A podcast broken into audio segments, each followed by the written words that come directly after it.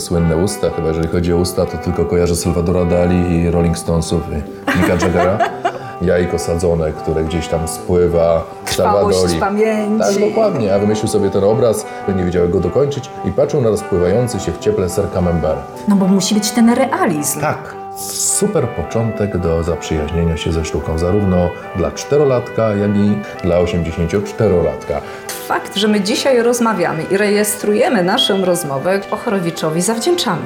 Wymyślił mikrofon. Wymyślił również e, puszenie świętego, Świętego Antoniego. Po wizycie e, w pracowni Picassa powiedział, no te obrazy są naprawdę dobre, ale jego wszystkie obrazy są tyle warte, co mój jeden. Uff, nie wiadomo dlaczego i co się stało. Do tej pory nie wiemy dlaczego i złapano go, kiedy ciężarówką usiłował przewieźć 330 tysięcy kartonów sygnowanych przez siebie. Całkiem niezły deal. I nim zaczniemy, jeżeli podoba Ci się to, co robię i chcesz wspierać podcast dawno temu w sztuce oraz brać czynny udział w jego rozwoju, postaw mi kawę na buycoffee.tu ukośnik dawno temu w sztuce. Powtarzam, buycoffee.tu ukośnik dawno temu w sztuce. To portal, który wspiera internetowych twórców. Możesz mi tam postawić symboliczną kawę za piątaka. Cel jest jeden: stworzenie domowego studia nagrań, by słuchanie podcastów było dla Ciebie jeszcze przyjemniejsze. Mhm, postaw kawę na swój wolny czas. Link znajdziesz w opisie. Dziękuję za wszystkie kawusie. Agnieszka Kijas. Thank you very much. No to co? Zaczynamy.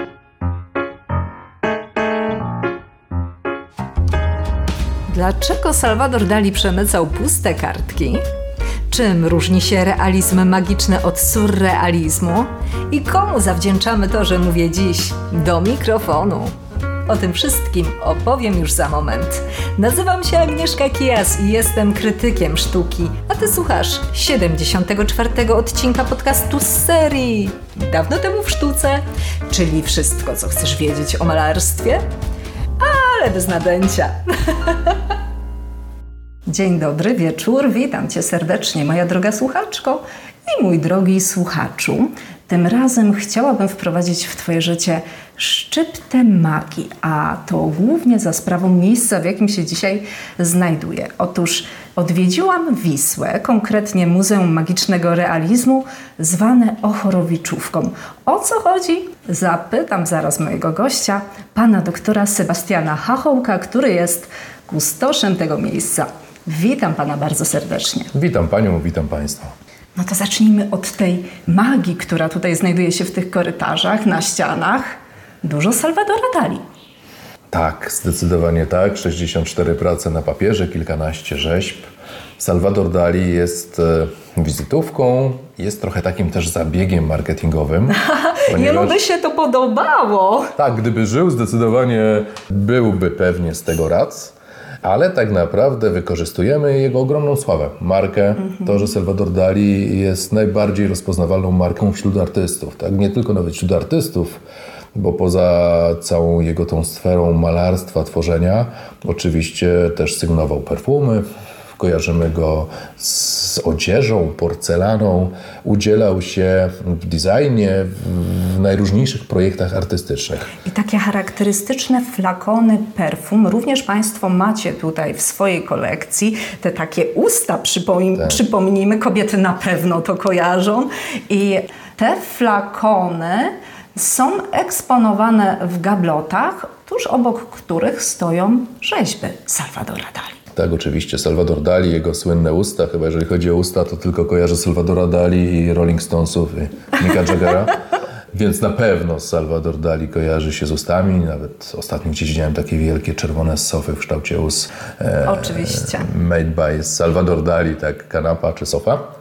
Ale Salvador Dali jest takim haczykiem. Haczykiem po to, żeby tutaj Państwa zaprosić do nas. Wiele osób, które widzi na plakatach czy w informacjach, że jest Salvador Dali, przychodzi właśnie na Salvadora Dalego do nas do muzeum. Oczywiście cieszymy się, że go oglądają i są nim zafascynowani, ale te osoby wychodzą i wpisują e, w książce gości albo gdzieś tam w komentarzach na Facebooku czy w social mediach, że przyszli na Salvadora Dali, a wychodzą oczarowani polskim magicznym e, realizmem, artystami polskiego nurtu, których mamy właśnie w stałej kolekcji, czy też zafascynowani informacjami o Julianie Ochorowiczu, któremu poświęcone są podziemia naszego muzeum. I o tym wszystkim na pewno dzisiaj będziemy rozmawiać. Ponad 300 eksponatów czołowych polskich twórców magicznego realizmu znajduje się właśnie tutaj w Ochorowiczówce. Natomiast zależy mi na tym, żebyśmy trochę zatrzymali się jednak przy tym naszym wabiku i dopieścili Salwadora, żeby on się poczuł u nas tutaj bardzo wygodnie, ponieważ to, co mnie zafascynowało, to fakt, że kolekcja jest bogata. Samego Salwadora jest ile prac? 64 na papierze i kilkanaście rzeźb. Z jednej strony mamy prace, które możemy oglądać e, w formie obrazów. Obrazów to są litografie konkretnie, tak? To są litografie, drzeworyty, staloryty. A oprócz tego właśnie te rzeźby. One były odlewane za życia Salwadora. Tak, oczywiście wszystkie rzeźby, które są w muzeum, są to odlewy wykonane za jego życia. W tych litografiach ciekawe jest także to, że one są znajome. Jeżeli mówimy o wytrawnym koneserze sztuki, który widział już pewne obrazy, to na pewno dostrzeże tutaj ostatnią wieczerzę, dostrzeże tutaj też galatę sferyczną Salvadora Dali. Ja sobie tak tutaj wychylę trochę, żeby Tak, przyjrzeć mamy. się pewnym obrazom, bo Podpowiem, tutaj mamy cykl hiszpański, czyli odkrycie Ameryki przez Kolumba, mamy notatki z Afryki, mamy telefon, mamy Lenin Tiger, kuszenie świętego, Świętego Antoniego. czy też Wenecja, albo lot pszczoły nad owocem granatu i jeszcze bardzo długi tytuł dalej. Czyli To tak niech pan to wytłumaczy, jak to jest, że my widzimy te obrazy, niektóre w gigantycznej skali w muzeach, a tu proszę oryginalne litografie. Jest to typowa technika, którą stosuje wielu żyjących i już nieżyjących stosowało artystów, czyli praca na przykład powstaje albo na początku w pasteli, później powstaje z tego obraz olejny, albo praca, którą kojarzymy jako ogromną, już taką ostateczną, jako, jako obraz olejny gdzieś tam w wielkim muzeum na świecie, ma również swoje odzwierciedlenie, swoją kopię w formie litografii czy drzeworytu. Jest to rodzaj odbitki, powielenia w dużej ilości danego dzieła sztuki. Natomiast to powielenie też jest sygnowane, numerowane, nazywane. Często mówi się, że są takie prace wyjątkowe i to są tak zwane egzemplarze autorskie, czyli EA.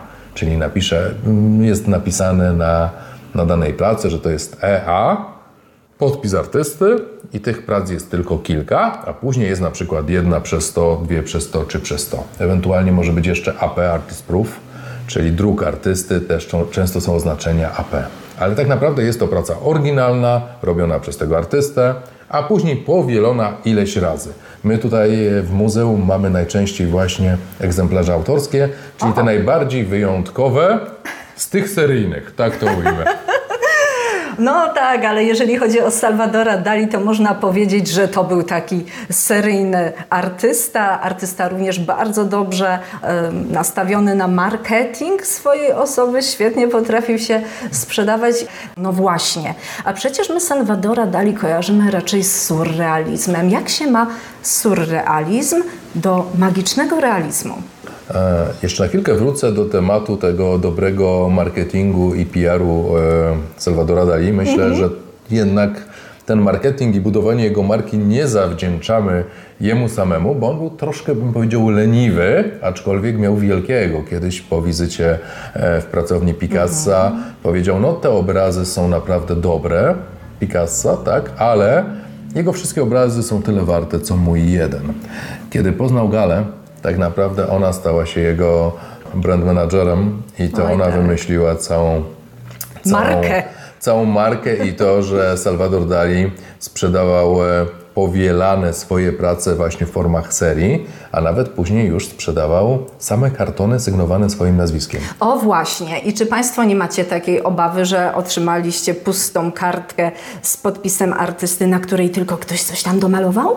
No ale to ciągle moglibyśmy się zastanawiać, czy jednak to nie jest oryginał, tak? Bo mamy przynajmniej oryginalny podpis. Niemniej jednak prace, które tutaj mamy, mamy z wszystkimi odpowiednimi papierami, potwierdzeniami. Prace nieoryginalne, czyli oryginalny podpis, a nie oryginalny nadruk, możemy poznać po tym, że przede wszystkim są one wykonane na najtańszym papierze. Te prace, które są u nas, są na, na odpowiednich papierach. Drzeworyty są drukowane z takich odbitek gruszkowych na przykład, bo tutaj jest bo, Boska Komedia, seria O, która szła w pierwszym etapie z odbitek właśnie w drewnie, czyli te literki były w takich klockach drewnianych, a gruszka jest bardzo nietrwała, ona świetnie odbija, ale jest miękka. Więc tylko zrobiono z niej tą serię, która jest oznaczona literami alfabetu. My mamy O, później uległy te, ta, ta sztampa jakby e, zniszczeniu. Jest też papier japoński, odpowiednio tłoczony. Są stare papiery, po których możemy bez wątpienia stwierdzić, że robił to Salvador Dali za życia. Zresztą mamy wszystkie odpowiednie certyfikaty do tego. A te odbitki, które, do których moglibyśmy mieć wątpliwość, to często bez wątpienia może to być podpis Salvadora Dali, bo mm, on sprzedawał w setkach tysięcy te kartony. Tak. Tak więc kiedyś na granicy francusko-belgijskiej złapano go, kiedy ciężarówką usiłował przewieźć 330 tysięcy kartonów sygnowanych przez siebie. Biorąc pod uwagę, że stawka prawdopodobnie wtedy za jego podpis była około 30 dolarów, to był to całkiem niezły przemyt i całkiem niezły deal. Oj tak. Te prace, które są u nas, na pewno nie pochodzą z tej ciężarówki i myślę, że warto je zobaczyć, bo faktycznie jest tu takie kompendium wszystkich chyba najciekawszych obrazów, które są porozrzucane w formie tych obrazów olejnych po muzeach świata. My je mamy na papierze, ale ciągle robione przez e, Salvadora Dali do obejrzenia w Wiśle. A który z tych obrazów, którą z tych rzeźb Salwadora Pan osobiście uważa za perłę kolekcji, taką najbardziej wyjątkową? Niełatwo jest ocenić. Ja osobiście lubię pocztówkę do Tour de France, którą wykonał w formie litografii i jest to po prostu rozmyty, szalony jeździec na rowerze, ale też bardzo lubię przypatrywać się choćby plakatom, które promują francuską kolej. Były zamówione w 1969 roku właśnie u Salvadora Dali. Jest sześć fajnych plakatów, żeby jeździć koleją. A ponieważ w Wiśle od trzech lat jest remont torów i trochę tęsknimy za koleją, więc czasem sobie patrzę na te plakaty, które promują kolej wiele lat temu. Francji. Już niebawem, już niebawem. Podobno do końca września, ale różnie to może się zdarzyć z przeciągnięciem się takich remontów. No to jak rozróżnić surrealizm od realizmu Tak, magicznego? wracamy, wracamy do właściwie początku tego pytania. E, wielu artystów, którzy tutaj mają swoje prace, wywodzą się ze szkoły, w której e, Salvador Dali był pewnego rodzaju ikoną. Choćby Jarek Jaśnikowski, którego uczył profesor, e, który był uczniem Salvadora Dali. O cię panie! Tak, tak, tak, e, ale spójrzmy też, nie wiem, na pracę Leszka Żegalskiego, spójrzmy na pracę Tomka Santowskiego. Żegalski też tu jest? Też oczywiście, zresztą Żegalski jest w Radzie Programowej naszego muzeum i w ich obrazach nie tylko widzimy wpływy Salvadora Dali, ale widzimy samą postać Salvadora Dali. W większości obrazów olejnych Tomka Santowskiego widać twarz Salvadora Dali, czy postać właśnie tego wielkiego artysty. A jeżeli tak by wytłumaczyć naszym słuchaczom, na czym polega ta różnica? Bo jeżeli chodzi o surrealizm, to jesteśmy w świecie podświadomości. Często mylony on jest z marzeniem sennym, bardziej tam chodzi, no niekiedy nawet o odkrywanie pewnych mroków, tak jak ma to miejsce w wypadku Hansa Belmera, którego obrazy również tutaj wiszą i o którym zresztą był ostatni podcast. Jeśli ktoś nie słyszał, to zapraszam. Natomiast realizm magiczny, to co to jest? Realizm magiczny to jest taki świat baśni, którą kojarzymy z bajkami, kiedy nam opowiadał dziadek czy babcia e, wieczorem, czy rodzice bajkę i zasypialiśmy jako maluchy i pod wewnętrzną stroną powiek przemykały się postacie rycerzy, księżniczek, smoków, zamków. Baśniowe kraje. Baśniowe kraje, później gdzieś tam z lat 80. komiksy Torgala, później trochę później Tolkien. Niedawno, e, niedawno grał Tron, tak sławny serial, czy powieści Marqueza, bo oczywiście magiczny realizm to nie tylko malarstwo, ale również literatura. Magiczny realizm to ten świat fantazy, świat baśni, świat magii, ale bardzo realistyczny. Tak jakbyśmy oglądali film z postaciami i przenieśli to na obraz. Jeżeli chodzi o ten surrealizm Salvadora Dali, to mamy obrazy, które są takie trochę bardziej rozmazane, jakbyśmy przymkli częściowo e, powieki, tak? I wtedy, Okej, przymykam. I wtedy widzimy takie rozmazane postacie, ale są też obrazy, które są bardzo realistyczne, choćby telefon, który tu widzimy, który mógłbym powiedzieć, że jest magicznym realizmem. Bo jest to dość dokładny obraz pokazujący wielki telefon gdzieś tam zawieszony na drzewie na pustyni. Czy, czy, czy choćby to słynne, rozpuszczone jajko sadzone, które gdzieś tam spływa formie zegara w jednym ze sławniejszych obrazów Salvadori. pamięci. Tak, dokładnie. A wymyślił sobie ten obraz, miał jeden obraz stworzony, nie wiedział jak go dokończyć i patrzył na rozpływający się w cieple ser camembert. Tak. I Salvador Dali tak patrząc na to, mówi, kurczę, zrobię taki zegar na tym moim obrazie. A i tak powstało jedno z większych dzieł Salvadora Dali. A skąd tu się wziął Belmer? A, Belmer, tak naprawdę polski magiczny realizm to jest e, clue tego muzeum. No i nagle Hans Belmer. On Tak. niby polski, a nie polski. E, Wprawdzie nazwisko mocno niemieckie, duża część twórczości w Niemczech, później uciekając przed nazistami przeniósł się do Paryża, gdzie tworzył największy nurt e, tamtych czasów, poznając wybitnych artystów André Breton. Dokładnie, ale musimy pamiętać o jednym. Urodził się, wychował, biegał i zaczął studiować Katowicach, a biegał po ulicy Kościuszki, gdzie, gdzie urodził się Hans Melber. I on tak naprawdę brzmi trochę nie po polsku, ale idealnie wpisuje się w polski magiczny realizm, bo w sumie jego nurt, jego, jego twórczość i fascynacja sztuką zaczęła się w Katowicach. I mamy tutaj między innymi y, czarne tło i ta kobieta taka poprzeplatana z takich kresek linii pajęczych tak, tak. jakby. No to jest charakterystyczna praca z- Belmera. Zresztą właśnie kobiety często skrępowane, nieraz nawet jakimś drutem kolczastym, tak. To, to, to, to, to twórczość e, wtedy bardzo, bardzo nietypowa, ale no stanęła, stała się tak naprawdę e, no, już takim kanonem, jeżeli chodzi o Hansa Belmera. Jest najbardziej rozpoznawalny przez fotografię czy pracę właśnie tych e, skrępowanych modelek. Jest też serce z wtopioną w nie twarzą, rękami, z bardzo e, pięknymi, długimi paznokciami, czyli są to najprawdopodobniej kobiece dłonie. Wszystko w plątaninie kresek, tętnic. Wygląda to niesamowicie. Belmer e, i jego twórczość jest taką mm, częścią dość mocno szokującą, prawda? Ale myślę, że każdy inaczej to odbiera i tu warto by było po prostu spytać osoby, które, które patrzą na twórczość Hansa Belmera, co czują. Ja, ja tutaj nie chciałbym e, wypowiadać swoich emocji i uczuć, bo myślę, że najważniejsze jest to, żeby zachęcić Państwa do tego, żeby przyjechać do Wisły, do, do Muzeum Magicznego Realizmu, do Chorowiczówki, czy też spróbować absorbować, skosztować, dotknąć tej sztuki w innych muzeach, bo profesor e, McLean kiedyś z Uniwersytetu e, Massachusetts powiedział, że sztuka powinna być jak guma do rzucia. Jest to wtedy taka kultura masowa. I niesamowicie ważne jest to, żebyśmy dotarli do wszystkich, bo sztuka, nie można mówić, że sztuka jest zła lub dobra, lepsza lub gorsza. Jeżeli tylko komuś się podoba, to jest to niesamowite i magiczny realizm jest rodzajem sztuki dla każdego. To nie jest awangarda, gdzie stoimy przed wielkim obrazem, na którym jest ciąg cyfr, kółko, kreska albo po prostu pustka i zastanawiamy się, co chciał artysta pokazać. No tu podchodzimy pod obraz i tak naprawdę od razu wiemy, co tam jest. No bo musi być ten realizm. Tak. I tak naprawdę to jest super początek do zaprzyjaźnienia się ze sztuką, zarówno dla czterolatka, jak i może spóźnione zaprzyjaźnienie się ze sztuką dla 84-latka. Wszyscy, e, którzy tutaj przychodzą, wychodzą tak, podoba mi się, jest fajne, chętnie tu wrócę. I to jest dla nas najważniejsze. Czyli można powiedzieć, że sztuka jest dla każdego bez względu na wiek.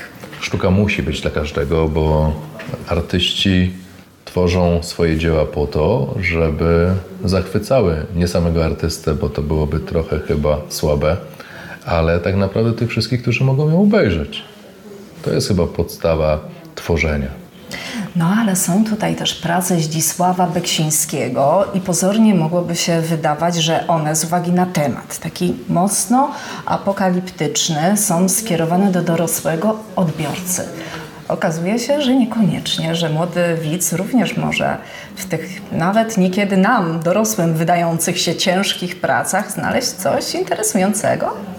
Tak, choćby kolory, aczkolwiek zastanawiałbym się, czy chciałbym pokazywać czterolatkowi Beksińskiego w szczegółach jego obrazy. Jednak trochę tych e, elementów twórczości wielkiego mistrza Beksińskiego jest strasznie przerażających i wolałbym, żeby e, młodzi zwiedzający nasze muzeum bardziej skupili się na świecie baśni Jarka Jaśnikowskiego, rzeźbach Artura Szołdry, czy kolorowych domkach e, i podwodnych światach Tomka Sentowskiego. Opowiedzmy trochę o tych obrazach. Jakiś jeden jakby Pan opisał.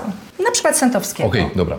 E, Tomasz Sentowski to e, autor, twórca wywodzący się z Częstochowy, którego prace charakteryzują się bardzo często takimi mm, wielkimi postaciami, gdzie na przykład e, kobieta, piękna kobieta, zamiast e, kapelusza ma taką dziwną konstrukcję ze statków, z domków, z kolorowych budynków i cała jej suknia również składa się na przykład z miasta, czyli takie jakieś miasteczko we Włoszech, ale tak naprawdę układa się w postać osoby czy też podwodne światy, na których widzimy stare, zatopione budowle, kolorowe, kolorowe ryby, które pływają pomiędzy rozburzonymi, starymi pałacami, albo na przykład pracę Szynkarczuka, młody artysta, który tworzy prace trochę inspirowane awatarem. E, przedstawiają lewitujące światy na oderwanych kawałkach skał, na których dzieje się życie. Są wspaniałe budynki, piękna przyroda, jest to bardzo, bardzo kolorowe, choć niektóre obrazy oczywiście są zasnute mgłą czy rozmyte niepogodą. Aczkolwiek jest to taki oderwany świat od rzeczywistości, zupełnie na przekór prawom grawitacji. I te prace naprawdę podobają się wszystkim, świetne kolory i, i przyciągają uwagę. I to już możemy polecić młodym widzom. Zdecydowanie tak. Myślę, że większość prac, które mamy tutaj w muzeum, w 90 paru procentach, są dostępne dla każdego. Oczywiście są niektóre prace, które mają bardziej jakieś takie przesłanie apokaliptyczne, ale myślę, że czterolatek tego nie wyłapie. A ktoś, kto chce dostrzec jakieś przesłanie w tej pracy, to już jest osoba, która może się zmierzyć z efektem odszyfrowania tego przesłania prace, które tu się znajdują, to jest jedno, natomiast drugie to samo miejsce. Ochorowiczówka. Skąd ta nazwa? Kto to wybudował? O co chodzi? Ochorowiczówka, nazwa jest od Juliana Ochorowicza, człowieka, który ten dom wybudował 120 lat temu w Wiśle, na Czakramie Mocy, laboratorium, w którym Ochorowicz oddawał się swojej pracy naukowej, która polegała często na hipnologii, na badaniach związanych z psychologią. Hipnologia? Co to tak, takiego? E, podstawy hipnozy. O. Jak e, wprowadzić człowieka w stan hipnozy, żeby mógł więcej rzeczy powiedzieć, czy gdzieś wrócić swoimi myślami do jakichś stanów z przeszłości. Ochorowicz był psychologiem, był człowiekiem, który, dzięki któremu zawdzięczamy oddzielenie psychologii jako nauki oddzielnej, tak? ponieważ ona kiedyś wchodziła w skład filozofii, później medycyny, nie była nauką oddzielną. Ale Ochorowicz to nie tylko psycholog, Ochorowicz to literat, kilkaset e, książek, artykułów na temat najróżniejszych, związane ogólnie z pozytywistami polskimi ponieważ z Sienkiewiczem miał kilka spółek wydawniczych, a sam był e, recenzentem i takim opiekunem merytorycznym młodszych e, pozytywistów. Tutaj Wiśle Raymond przyjechał do niego, pokazał mu chłopów pierwszy tom, mówi, no mistrzu, powiedz co o tym sądzisz. On mu wrzucił do kominka, mówi, słabe, pisz od nowa. Również e, Prus, który był kolegą z ławki Ochorowicza, trzymali sztamę i niezwykle się przyjaźnili. Zresztą faraon powstał na, powstał na podstawie e, zafascynowania Prusa powieścią Ochorowicza Życie tajemne w Egipcie. Natomiast e, znowu Ochorowicz to jest postać Ochockiego w lalce. Szalony naukowiec, pytany na ulicy, czym pan się zajmujesz, odpowiedział, drogi panie, raczej łatwiej powiedzieć, czym ja się nie zajmuję. Ponieważ Ochorowicz, oprócz tego, że był psychologiem, że był literatem, był deweloperem, był człowiekiem, który jak przyjechał do Wisły powiedział, to jest miasto, miejsce, do którego powinni przyjeżdżać ludzie na letnisko, tak? Wtedy był Truskawiec, było już Zakopane, tak? ale Wisła była mniej znana. Ochrowicz był zafascynowany Wisłą, razem z Hofem stworzył Towarzystwo Miłośników Wisły, wybudował pięć drewnianych willi, do których przyjeżdżali z Warszawy wielcy tamtych czasów. Tutaj gościł też Kiri, Kirię Skłodowską z mężem wielokrotnie, która też do śmierci była jego największą przyjaciółką i, i wspierała go w jego projektach. Siemiracki. Ona myślę, że też bardzo e, stała za nim w tej sytuacji, kiedy odwróciło się od niego środowisko, bo można powiedzieć, że w pewnym momencie on był no, takim naukowcem wyklętym. Tak, dokładnie. Tego słowa też bym pewnie użył. Przy sporze z polską nauką, ze światem polskiej nauki, który był e, spowodowany tym, że seanse spirytystyczne, które w tamtych czasach były takim alternatywą dla dzisiejszego Facebooka. Nie było co robić, to niektóre osoby zajmowały się seansem spirytystycz- seansami spi- spirytystycznymi, jak się już spotkały. I on w pewnym momencie wziął udział w takim seansie z Euzapią Paladiną. Medium, która była związana z sycylijską mafią, oszustką. To zostało zdemaskowane, on oczywiście został, był ofiarą tego, ale on cały czas gdzieś tam e, przedstawiał swoje pomysły, że jesteśmy w stanie gdzieś tam sfotografować ektoplazmę, duszę w pewnym sensie człowieka, tak? I tutaj wszedł w konflikt z polskimi naukowcami, ponieważ mm, nie mogli wymyśleć gorszej kary. Najgorszą, jaką wymyślili, to go wykleli. Po prostu zapomnieli. Ostracyzm. Tak, zapomnienie, niezapraszanie na wykłady, na, na spotkania. I udało im się to zrobić na dobre 100 lat. Tak? On wyjechał wtedy do Wisły, zaczął tu dalej pracować i mimo, że za granicą, choćby we Francji czy w Stanach Zjednoczonych, był bardzo cenionym, wielkim naukowcem, to w Polsce był tak naprawdę alienowany z wszelkich wydarzeń naukowych, konferencji, spotkań, co doprowadziło do schowania go pod wynalazkami, modą na innych naukowców. A jeżeli mowa o wynalazkach, to nawet fakt, że my dzisiaj rozmawiamy i rejestrujemy naszą rozmowę, którą słuchacze będą sobie mogli odtworzyć, Ochorowiczowi zawdzięczamy. Właściwie głównie niemu, bo Ochorowicz, oprócz tego, że wymyślił podstawy telewizji, wymyślił mikrofon. Wymyślił również e, telefon, który zaprezentował w 1885 roku na wystawie elektryczności w Paryżu. To była taka wystawa, coś w rodzaju obecnych Expo. I tam połączył gmach opary, który był o 5 km oddalony od wystawy i było super połączenie telefoniczne. Prezydent Francji przyszedł, przybił mu piątkę, powiedział, no super rewelacja. Jest to uwiecznione na, na e, rycinach, w artykułach e, ówczesnych czasów. A to nie Bell? To, to Bell e, zrobił telefon i go opatentował, ale we Francji, w Belgii najlepszym telefonem, który kupowano i wielkie szapoba dla, dla Ochorowicza złożyła głowa państwa Francji, był autorstwa Ochorowicza. I zresztą po tym wydarzeniu mm, wybrali się do mera Paryża, który chciał rozebrać wieżę Eiffla, ponieważ była to, był to symbol wystawy, pomnik wystawy tej elektryczności właśnie pod koniec XIX wieku. Ona miała być tymczasowa. Tymczasowa, tak? I Ochorowicz powiedział, zostawcie to, ponieważ jest to przekazywanie słowa, dźwięku na odległość, to jest przyszłość. Musimy to zostawić, bo inaczej będzie to strasznie utracona szansa. Potrzebujemy takiego przekaźnika, więc dzięki Ochorowiczowi również mamy to, że wieża Eiffla została ocalona. I właśnie tu w Ochorowiczówce możemy także zobaczyć ekspozycję twórczości Juliana Ochorowicza. Co tam między innymi się znajduje? Właściwie wszystko, co udało się zdobyć i co gdzieś tam pozostało po jego twórczości, bo przez to jego zapomnienie właściwie ciężko było dotrzeć do, do informacji na temat Ochorowicza. Mamy książki, mamy jego artykuły, mamy jego maskę pośmiertną, jego korespondencję z Charlesem Richettem, Richettem, tak, bo to był jego kolega ze studiów w okresie e, jego studiów u Freuda, immunolog, noblista francuski. Jest film, który wyświetlamy o Chorowiczu, nakręcony wiele lat temu przez telewizję polską.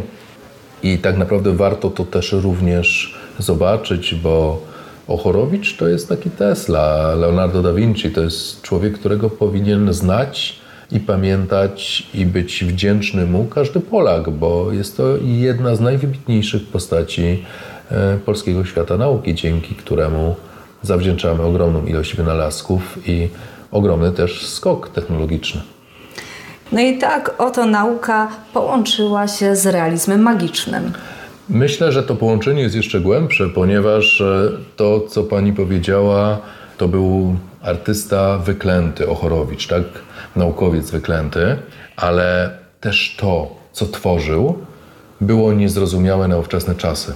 I może w Warszawie był niezrozumiały, natomiast w Wiśle był wręcz uważany za postać magiczną, za czarodzieja. I ta magia Ochorowicza, również to, jak e, pozostawił swoje miejsce w Wiśle, właśnie to laboratorium, które zbudował na czakramie mocy, pewnej nocy po prostu Ochorowicz zniknął z Wisły. Zostawił przygotowaną kolację, ogień kominku, wszystkie swoje e, rzeczy i po prostu stąd wyjechał i nigdy już nie wrócił. Uf, nie wiadomo dlaczego i co się stało. Do tej pory nie wiemy dlaczego, więc jeszcze jest ta magia całej tej sytuacji i magiczny realizm, który wręcz idealnie nam spasował się z tym magicznym miejscem. I do tego jeszcze Salvador Dali. Jeżeli nie zachęciliśmy Was do tego, żeby przyjechać tutaj do Wisły, do Muzeum Magicznego Realizmu, to ja już nie wiem, co trzeba powiedzieć. Dla mnie jest to chyba najpiękniejsze y, zakończenie tej rozmowy. Pięknie dziękuję za poświęcony czas. Wszystkich Was tutaj zapraszamy. Moim gościem był Pan Sebastian Hachołek. Dziękuję Dziękuję pięknie. bardzo i zapraszam do Wisły. A na koniec chciałam jeszcze powiedzieć dziękuję. Dziękuję za wszystkie wpłaty, które wpłynęły do mnie na Buy Coffee, bo dzięki temu już kupiłam pierwszy mikrofon. Będzie to mikrofon, który posłuży mi do nagrywania podcastów wyjazdowych. W planie jest zakup drugiego, zakup nagrywarki, miksera, słuchawek, statywów. Zatem, jeżeli podoba Ci się to, co robię, jeżeli chcesz wspierać podcast dawno temu w sztuce, to serio będę wdzięczna za wszystkie wpłaty. A kolejny podcast nagram właśnie na nowym sprzęcie. Przyznaję, już nie mogę się doczekać, kiedy włączę nowy mikrofon i kiedy też usłyszysz, jaka jest różnica w dźwięku. Tak więc, jeżeli chcesz jeszcze dalej wspierać podcast dawno temu w sztuce, koniecznie postaw mi kawę na buycoffee.tu ukośnik dawno temu w sztuce. Powtarzam, buycoffee.tu ukośnik dawno temu w sztuce. Z góry dziękuję za wszystkie kawusie, te, które do mnie wpłyną i za te, które już do mnie wpłynęły. Czujcie się mecenasami tego podcastu i czujcie się tutaj jak u siebie. Mówiła dla Ciebie Agnieszka Kijas, krytyk z sercem do sztuki. Dziękuję raz jeszcze, dziękuję, dziękuję, dziękuję i do usłyszenia. Haha. Nice!